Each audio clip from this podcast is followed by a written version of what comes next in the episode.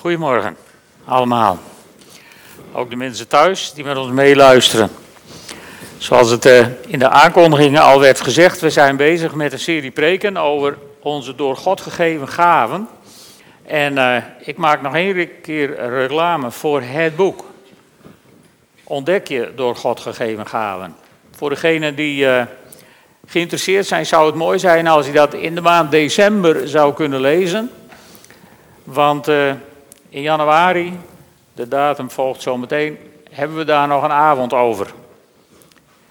Wij, uh, wij onderscheiden, even als herhaling, zodat iedereen die voor het eerst dit meeluistert er even bij is. We onderscheiden vier categorieën gaven.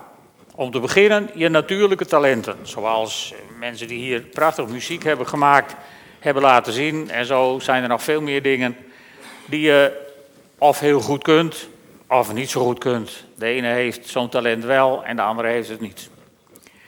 We onderscheiden ook de manifestatiegaven of de uitingen van de Heilige Geest door mensen heen, die in 1 Korinthe 12 worden genoemd. We kennen de bedieningsgaven uit Efeze 4, apostel, profeet, herder, leraar en evangelist.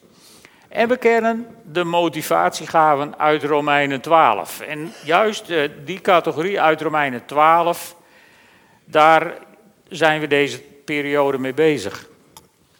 En ik lees opnieuw Romeinen 12 vanaf vers 6. We hebben verschillende gaven, onderscheiden naar de genade die ons geschonken is. Wie de genade heeft te profiteren, moet die in overeenstemming met het geloof gebruiken. Wie de gave heeft bijstand te verlenen, moet bijstand verlenen. Wie de gave heeft te onderwijzen, moet onderwijzen. En wie de gave heeft te troosten, moet troosten. Wie iets weggeeft, moet dat doen zonder bijbedoelingen. Wie leiding geeft, moet dat doen met volle inzet. En wie barmhartig voor een ander is, moet daarin blijmoedig zijn. Zo staat het in de NBV-vertaling. En we onderscheiden daarin een aantal motivatiegaven, zoals ze in het boek worden genoemd: de waarnemer, de dienaar. Vandaag hebben we het over de leraar. We onderscheiden de bemoediger. Volgende week zal Harm Renkema het hebben over de gever. En dan hebben we nog de bestuurder en de barmhartige. Zo een, een aantal van, van zeven verschillende karaktertrekken die een mens zou kunnen hebben. Ik vond het wel grappig, iemand die, die zei uh, laatst tegen me van uit mijn gaventest komt een jasje wat mij niet past. Nou, dat was heel leuk. Het gaat namelijk niet om een jasje wat je past. Het gaat om dingen in je leven, als je, als je achterom kijkt, dat je zegt, oh, reageer ik daarom zoals ik reageer? Of doe ik daarom wat ik altijd doe? Het heeft te maken niet met iets wat je moet, het heeft te maken met iets wat je bent, wat in je, gewoon in je karakter zit, wat God je heeft geschonken. En uh, op 15 januari, op zondagavond, willen we met degenen die het boek hebben gelezen en hebben ontdekt wat ze zijn en denken van nou, het jasje past me niet of uh, het is anders dan wat ik eigenlijk graag zou willen. Kom dan gewoon langs en dan gaan we daar met elkaar over in gesprek. En als er genoeg mensen zijn, zetten we de leraren even bij de leraren en de dienaren even bij de dienaren, zodat je ook wat, wat ervaring kunt uitwisselen, zeg maar, uit je leven. Dat kan gewoon, lotgenotencontact kan heel behulpzaam zijn, ook in het ontdekken van je gaven. Goed, vandaag de leraar. In de vorige keren als ik aan de beurt was, liet ik verschillende vertalingen zien van het woord. Nou, over het woord onderwijzen, wat hier in het Grieks gebruikt wordt in Romeinen 12, valt eigenlijk niks te laten zien, want alle Bijbelvertalingen zijn het met elkaar eens. Het gaat over onderwijzen. Het Griekse woord didasco, daar is ons woord didactiek bijvoorbeeld van afgeleid. Dus het gaat over onderwijzen. En uh, de leraar die moet mensen op de juiste manier onderwijzen, zeggen de Fortunes die dat boek hebben geschreven. En ze zeggen erbij, in zekere mate moet iedereen dat. Alleen de leraar, dat is zo'n type, die houdt ervan om dingen te onderzoeken en dan wat hij heeft ontdekt met anderen te delen. Dat vindt lang niet iedereen leuk, maar er zijn mensen die houden daarvan. Die zitten graag in de boeken en als ze wat gevonden hebben, dan zoeken ze nog een boek en nog een boek en nog een boek. En op een gegeven moment verzuipen ze in de informatie die ze hebben verzameld. Dat zijn de leraren. Dus het is een, een zware gave, zeg ik uit ervaring. Goed. Maar in zekere zin moet iedereen dat, zegt het boek. Want in Colossensen 3, vers 16 bijvoorbeeld, daar schrijft Paulus aan de gemeente in Colosse: Laat Christus woorden in al hun rijkdom in u wonen, onderricht en vermaan elkaar in alle wijsheid. En dat schrijft Paulus niet aan de voorganger van de gemeente. Ook niet aan de oudsten, maar aan de gemeente. Dus aan iedereen. En uh, die tekst in Hebreeën, die kennen ook heel veel gelovigen wel. Daar schrijft de schrijver van Hebreeën van werkelijk, u had inmiddels allemaal toch leraar moeten zijn. Dat wil niet zeggen dat je allemaal de gave hebt, maar je zou allemaal in staat moeten zijn om mensen over het geloof in Christus het een en ander te vertellen.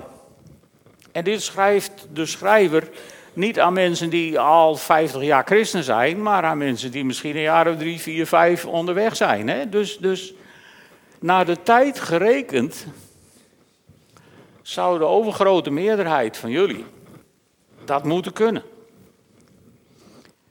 Maar we gaan terug naar de bediening van leraar, naar die gaven. Toen ik bezig was met de voorbereiding van, van, van deze preek over de leraar, toen kwam mij een, verhaal, een, een gebeurtenis in mijn geheugen uit mijn, uh, uit mijn kindertijd. Ik zal een jaar of zeven, acht geweest zijn. En ik was te spelen bij Jetse van de Bakker. En Jetse had drie oudere zussen. Ik was de oudste thuis en ik had geen zussen, dus ik had geen flauw idee hoe levensgevaarlijk oudere zussen zijn.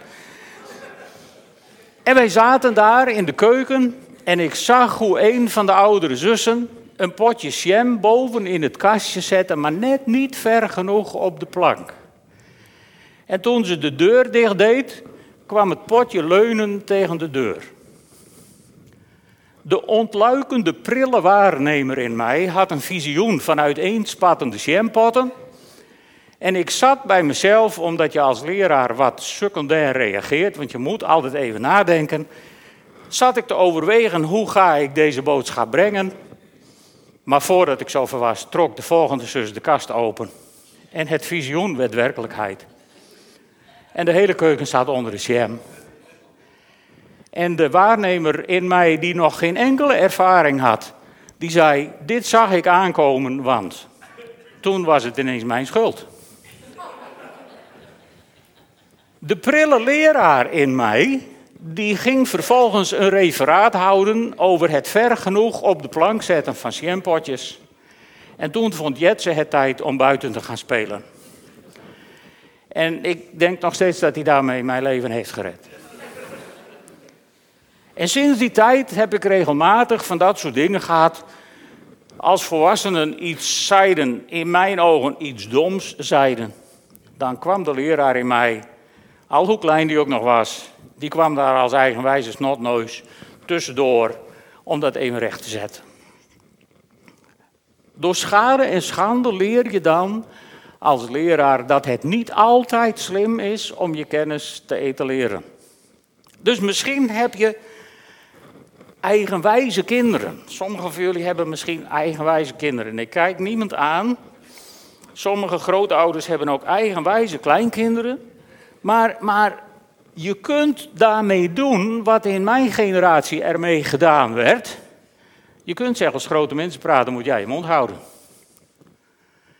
Je hebt het risico dat je van de leraar dan een referaat krijgt dat dat didactisch niet verantwoord is. Maar, maar weet je, misschien heb je thuis wel een leraar in de dop rondlopen. Koester ze. Help ze om ermee om te gaan, om het in goede banen te leiden. En druk het niet de kop in, zoals in, in, in mijn kindertijd gebeurde. En luister soms eens even naar ze, want het kan ook best wel heel aardig zijn om dan gewoon een goed gesprek met elkaar te hebben. Maar leraar zijn, en ik, ik betrek het maar op mezelf als voorbeeld, is een gevaarlijk talent. Als je dat niet op de juiste manier weet te hanteren. Ik heb te vaak op school tegen leraren gezegd hoe dom ze bezig waren door dingen verkeerd uit te leggen. En dat heeft zijn prijs gehad. Maar langzaam maar zeker word je door schade en schande wijs en probeer je het wat beter te doen. Maar ik las in het boek dat het over het algemeen toch mensen zijn die het risico lopen wat eigenwijs over te komen. Mocht dat zo zijn, dan bied ik mijn excuses daarvoor aan. Dan hoop ik dat jullie mij dat willen vergeven. Het is mijn talent waar ik ook niks aan kan doen. De leraar. Goed, maar we gaan even naar de Bijbel kijken. Er staan veel leraren in de Bijbel, maar ik, ik licht er een paar heel even uit vanochtend. Ik wil even met jullie kijken naar Lucas, naar Thomas, die zou je hier misschien niet verwachten. Zacharias zou je misschien ook niet verwachten. Ik wil even kijken naar een edel drietal, Apollos, Aquila en Priscilla. En natuurlijk even naar Paulus. En dan als laatste heb ik straks nog een verrassing. Goed. Drie leraren. Ik wil, of een aantal leraren. En ik wil ze koppelen aan een aantal kenmerken uit het boek. Zodat je ook een beetje inzicht krijgt in het boek. De leraar die zegt, als, of het boek geeft als eerste kenmerk aan de leraar dat hij de waarheid weer kan geven op een logische, systematische manier. De kenners hebben de foto al herkend. Uit onze tijd is Dirk Prins daar een levend voorbeeld van. Als je naar een Bijbelstudie van Dirk Prins zit te luisteren, tenminste zo gaat het met mij, dan hoef je geen aantekeningen te maken. als je het begin weet, dan hoef je alleen maar de logica van Dirk Prins te volgen en dan kun je dat verhaal zo navertellen. En mensen die aantekeningen maken, die hebben over het algemeen, als je bij Dirk Prins aantekeningen maakte, want hij leeft niet meer, maar dan had je een heel systematisch, schematisch opgebouwd verslagje. Hij kon dat als weinig anderen. Maar er staat in de Bijbel ook een hele boeiende. En dat is Lucas. Ik wil even met jullie lezen het begin van het evangelie van Lucas. En daar, daar, zit je, daar, zie je, daar zie je dit talent, deze gave, die zie je in, in elke zin zie je die naar voren komen. Lucas 1, vers 1. Wat zegt Lucas? Nadat reeds velen zich tot deze taak hebben gesteld om een verslag te schrijven over de gebeurtenissen die zich in ons midden hebben voltrokken. Dus met andere woorden, er waren er al een hele hoop die daar wat over hadden geschreven of verzameld of verteld. En dan gaat hij verder, en die ons zijn overgeleverd door degenen die vanaf het begin ooggetuigen geweest zijn en dienaren van het woord zijn geworden. Dus Lucas had mensen die erover hadden geschreven, en hij had ooggetuigen en je zou zeggen, nou, boeken genoeg. Maar als oprechte leraar besluit Lucas, en ik lees verder, leek het mij goed om alles van de aanvang af nauwkeurig na te gaan. Hier heb je de onderzoeker. En deze gebeurtenissen in een ordelijke vorm voor u, hooggeachte Theophilus, op te schrijven om u te overtuigen van de betrouwbaarheid van de zaken waarin u onderricht bent.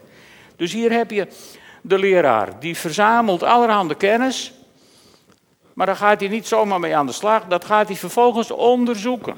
Klopt het allemaal wel? Is het, is het systematisch? Is het verantwoord?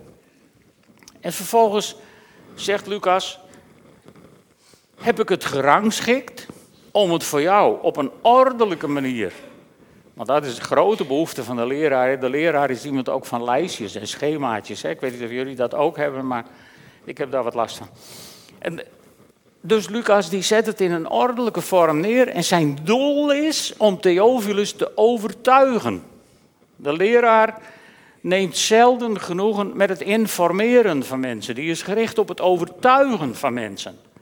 Luister nou even, zal de leraar zeggen. Dan zal ik het nog een keer uitleggen. Want je moet Hij wil, het, hij, wil het, hij wil overtuigen, niet alleen maar informatie verstrekken. En dan komen we Lucas opnieuw tegen in Handelingen. Handelingen 1, vers 1. In mijn eerste boek, Theophilus, heb ik de daden en het onderricht van Jezus beschreven. Vanaf het begin tot de dag waarop hij in de hemel werd opgenomen. Nadat hij de apostelen die hij door de Heilige Geest had uitgekozen, had gezegd wat hun opdracht was. Hier begint Lucas over het verhaal over de Heilige Geest. En als rechtgeaard leraar begint hij aan boek deel 2. Dat hussel je niet door elkaar. Boek 1 gaat over Jezus, boek 2 gaat over de Heilige Geest. En ik ben heel benieuwd wat voor Lucas boek 3 zou zijn geworden, maar dat hebben we niet. Maar je ziet hier eigenlijk het, het prototype, als je de gaven uit het boek op een rijtje zet, zie je hier het prototype van de leraar die tevoorschijn komt. Het tweede kenmerk wat uh, de Fortunes aangeven is dat de leraar de waarheid bekrachtigt door de feiten na te lopen. En dan schakel ik opnieuw even terug naar Lucas, dat hij zegt: Het leek mij goed om alles van de aanvang af nauwkeurig na te gaan. Dus niet zomaar iets aannemen, nagaan, testen. En, en, daar komt ook Thomas in beeld. Wij kennen Thomas als de ongelovige Thomas. Hè. Zo, zo als Thomas van de discipelen hoort, Jezus is waarlijk opgestaan en hij is in ons midden verschenen, dan zegt, wat zegt Thomas dan? Hij zegt, als ik niet mijn vingers leg in. Thomas neemt niet zomaar een verhaal aan van iemand. Hij zegt, ik wil, ik wil dat nagaan, ik wil het onderzoeken. Nou zit Thomas een beetje op het randje, want hij zit ook in de valkuil van de leraar, van als ik het zelf niet onderzocht heb, geloof ik niks. En, daarmee kom je er ook niet in het leven. Soms moet je ook wat geloven, maar de gemiddelde leraar is niet goed gelovig. Dan moet je wel heel overtuigend zijn. Nou, kan ik me voorstellen als elf discipelen of tien discipelen roepen dat ze Jezus hebben gezien en jij bent de enige die hem niet heeft gezien. Ja, dat, dat had overtuigend kunnen zijn. Maar Thomas heeft dat in zich, hij wil het onderzoeken. En, en, we komen ook Zacharias tegen. Zacharias die de boodschap van de engel krijgt. En, en volgens mij toch ook een beetje leraar was. Zacharias weet één ding, biologisch gezien kan het niet dat wij nog een kindje krijgen. Dat zegt hij ook tegen de engel. Wij zijn al oud, dus de bewijzen zijn tegen je. En daarom zegt hij tegen Gabriel: Ja, moet ik dat nou zomaar geloven? Is geen handige opmerking tegen een engel van God, dat weet ik ook wel. Maar, maar het had mij kunnen gebeuren. Dus Zacharias heeft ook iets van dat in zich. Dus daarmee zie je bij Thomas en Zacharias ook gemakkelijk de risicokanten van deze gaven. Een andere is dat de leraar ervan houdt om te studeren en onderzoek te doen komen we terug bij Lucas. Het leek mij goed om alles van de aanvang af nauwkeurig na te gaan. En Lucas wist dat er van alles was geschreven. Die heeft waarschijnlijk alles gelezen wat los en vast zat over, over dit onderwerp. En hij gaat daarmee aan de slag. Hij houdt ervan om te studeren en onderzoek te doen. Ik ken mensen die zijn na hun pensioen nog gaan studeren. Je zou het niet verwachten, maar ja, het, het kan maar zo. Want sommige mensen vinden dat gewoon leuk. En de leraar geeft de voorkeur aan bijbelse illustraties in plaats van illustraties uit het leven. Toen ik deze tegenkwam, toen dacht ik, zou dat ook op mij betrekking hebben? Dus ik heb eens teruggebladerd in mijn preken. Ja, daar, hoef er niks meer over te zeggen, denk ik. Van, ik sleep jullie altijd van voor tot achter de hele Bijbel door, moet ik tot mijn schande bekennen. Of tot mijn schande, nee, misschien is dat ook wel goed. Maar ik hou ervan om voorbeelden uit de Bijbel te zoeken. Om mijn betoog te illustreren. Dus die, die, ja, die kwam ik ook tegen. En deze. Deze, de leraar kan zich heel erg opwinden als een schriftgedeelte uit zijn context wordt gehaald. En ik heb daaraan toegevoegd, de leraar kan zich ook heel erg opwinden als gedrag niet overeenkomt met het onderwijs. En daar staat een heel mooi voorbeeld van in de Bijbel. Ja, een Bijbelse illustratie. En ik neem jullie even mee naar Galaten 2. In Galaten 2, daar zijn Paulus en Petrus, Kefas genoemd hier, maar Paulus en Petrus, die zijn in Antiochië. En Petrus die, of Paulus die schrijft daarover en hij zegt, maar toen Kefas, Petrus dus, in Antiochië was, heb ik me openlijk tegen hem gezet, verzet, want zijn gedrag was verwerpelijk. Het is een risico van de leraar, hè, dat je heel gauw ook een oordeel ergens aanhangt. Paulus doet dat hier ook. En hij zegt, hij at altijd met de heidenen, maar toen er afgezanten van Jacobus kwamen, trok hij zich terug en had hij apart, uit angst voor de voorstanders van de besnijdenis. De andere Joden deden met hem mee en zelfs Barnabas liet zich meeslepen door hun huichelarij. Dus Paulus is heel scherp in zijn woorden. Toen ik zag dat ze niet de rechte weg naar het ware evangelie bewandelden, zei ik tegen Kefas in aanwezigheid van iedereen: Je bent een Jood, maar je leeft als een heiden en je houdt je niet aan de Joodse gebruiken. Hoe kun jij dan opeens heidenen dwingen als Joden te leven? Een ander kenmerk wat het boek noemt is dat een leraar niet veel vrienden heeft. Als je dit leest, begrijp je dat.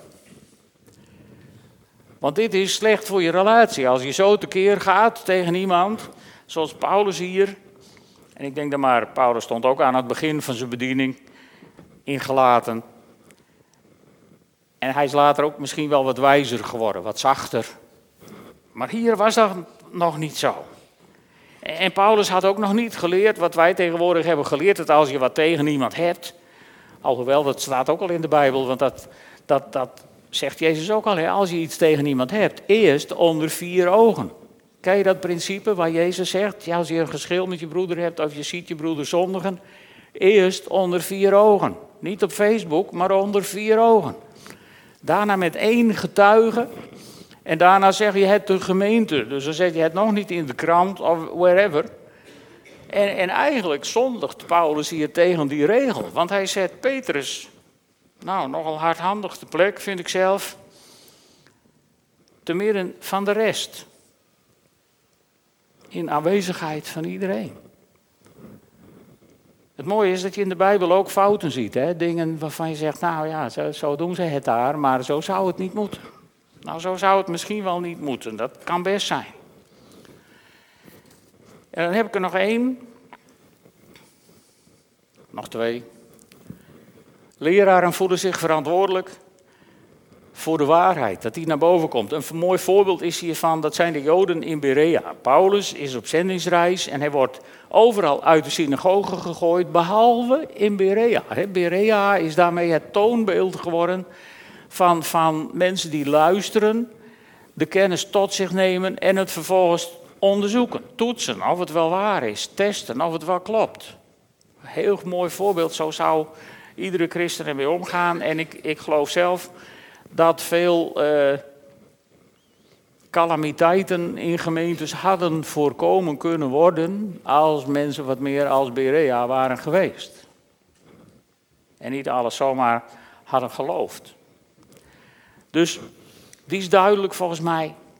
En deze vond ik mooi. Kenmerk 11. De leraar onderzoekt de bron van de kennis van anderen die onderwijzen. En nu neem ik jullie weer mee naar een Bijbels voorbeeld. En uh, dat gaat over Apollos, Aquila en Priscilla. We vinden dat in Handelingen 18. Er staat intussen arriveert er in Efeze een uit Alexandrië afkomstige Jood die Apollos heette.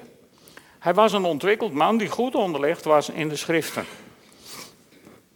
Hij had onderricht gekregen in de weg van de Heer en verkondigde geestdriftig de leer over Jezus die hij zorgvuldig uiteenzette. Hier heb je dus tig eigenschappen die het boek aan de leraar toeschrijft. En dan zeggen ze ook al was hij alleen bekend met de doop zoals Johannes die had verricht. Met andere woorden, Priscilla en Aquila, twee leraren, die zitten onder zijn gehoor en die onderzoeken zijn bronnen. Ze komen erachter dat hij alleen in de doop van Johannes is onderwezen. Ze onderzoeken waar hij zijn kennis vandaan heeft. En vervolgens gaan ze als drie leraren onder elkaar oprecht met elkaar in dispuut. Ze maken elkaar niet af in de krant. Ze schrijven geen lelijke berichten over elkaar op Twitter. Maar ze gaan netjes met elkaar om de tafel. En ze praten Apollos bij over de nieuwste ontwikkelingen. Niet meer de doop van Johannes, maar het verhaal van Jezus. Gestorven en weer opgestaan uit de dood.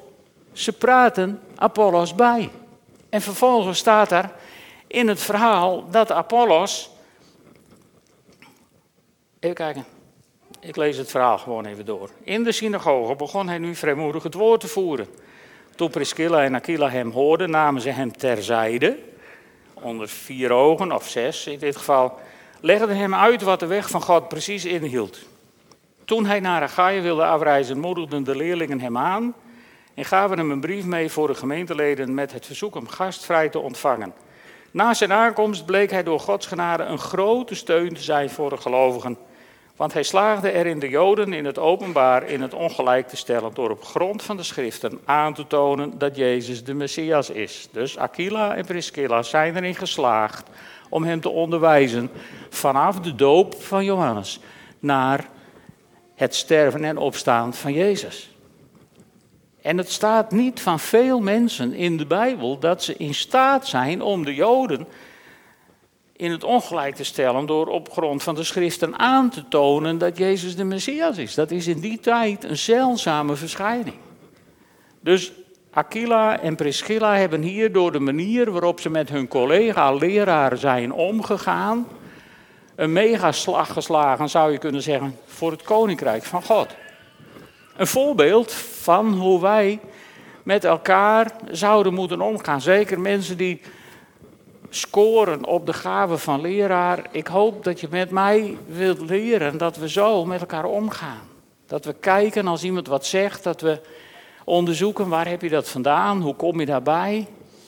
En dat je dan met elkaar in gesprek kunt om samen te leren. Samen te groeien, samen je talent wat je hebt gekregen verder uit te bouwen. Hoe mooi zou het kunnen zijn? Als dat zou kunnen. De laatste die ik aanhaal. Kenmerk 12. Hier heb ik even om zitten grinniken toen ik het zag. Onderwijst liever gelovigen dat hij met evangelisatie bezig is. Toen dacht ik. Nu snap ik ineens eigenlijk waarom Efeze 4 mij zo dierbaar is. Want wat staat er in Efeze 4? Daar staat dat God apostelen heeft aangesteld en profeten, evangelieverkondigers, herders en leraren om de heiligen toe te rusten voor het werk. Nu snap ik waarom ik dat zo leuk vind. Want dat hoort kennelijk bij de leraar dat je dat leuk vindt. Dus wil je evangeliseren, wil ik je er wel een cursus over geven. En dan kun je gewoon lekker je gang gaan. Grapje. Maar zo is het hoe het ongeveer werkt. En ik zei, tenslotte heb ik nog een verrassing. De ultieme leraar. Jezus Christus. 2000 jaar geleden werd hij geboren. We branden inmiddels twee kaarsjes voor Advent. Jezus was de meest perfecte leraar die ooit op deze aarde heeft rondgelopen. Dat kan nog niet anders, want hij is de uitvinder van dit vak geweest. Jezus. En Jezus, die heeft ons achtergelaten, tot slot, met het beste voorbeeld alles tijden. Want op een avond, toen ze het Pesachfeest gingen vieren en ze met z'n allen bij elkaar zaten, de avond voor Jezus werd gearresteerd,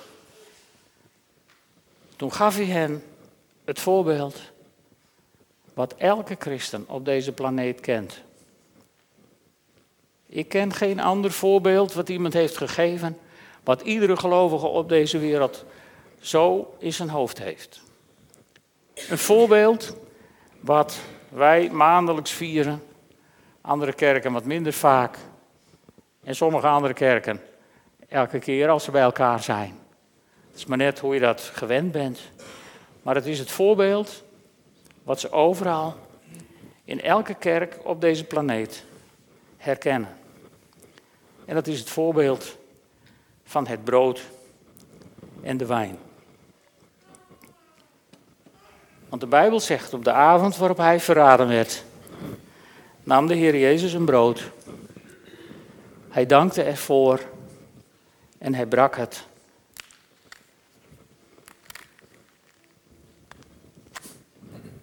En hij gaf het aan zijn discipelen. En hij zei, dit is mijn lichaam, wat voor jullie gegeven wordt. Neem daarvan, eet ervan. En zoals het zo mooi in sommige liturgieën staat, gedenk en geloof dat het lichaam van Christus is verbroken. Tot vergeving van al jullie zonden. En na de maaltijd nam hij een beker. Ze zijn wat klein vandaag de dag. Maar dat heeft zijn reden. En hij zei tegen zijn discipelen: Deze beker bevat het bloed van een nieuw verbond. Je had die discipelen ook, je had ze ook een rapport kunnen geven over een nieuw verbond van 80 pagina's of zo. Dan had niemand op deze aarde meer geweten van het nieuwe verbond. Maar omdat Jezus de beker van het Pesachmaal verbond aan het nieuwe verbond. Ja, verbond aan het nieuwe verbond. Weet iedereen op aarde het? Vind je dat niet meesterlijk?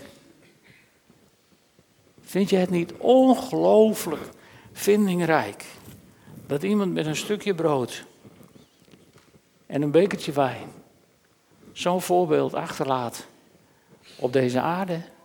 Zo meesterlijk heeft geen leraar op aarde het ooit vertoond. Zullen we samen bidden? Heere God, ik dank u wel voor de gave van onderwijzen. En ik bied u, Heere God, waar deze gave aanwezig is in mensen. Wilt u ons beschermen? Behoeden voor eigen wijsheid die mensen afstoot. Heer, want we hebben uw Heilige Geest nodig om verstandig te blijven, slim te zijn, om mensen te overtuigen. Maar ten diepste is het uw geest, Heer, die overtuigt. En laat het vandaag ook zo zijn. Dat brood en wijn ons mogen overtuigen. Omdat dat symbolen zijn van uw aanwezigheid in ons midden.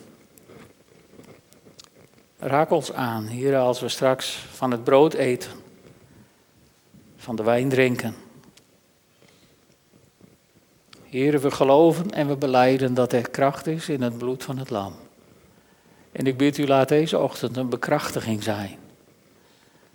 Een dag waarop we nieuwe energie van u ontvangen.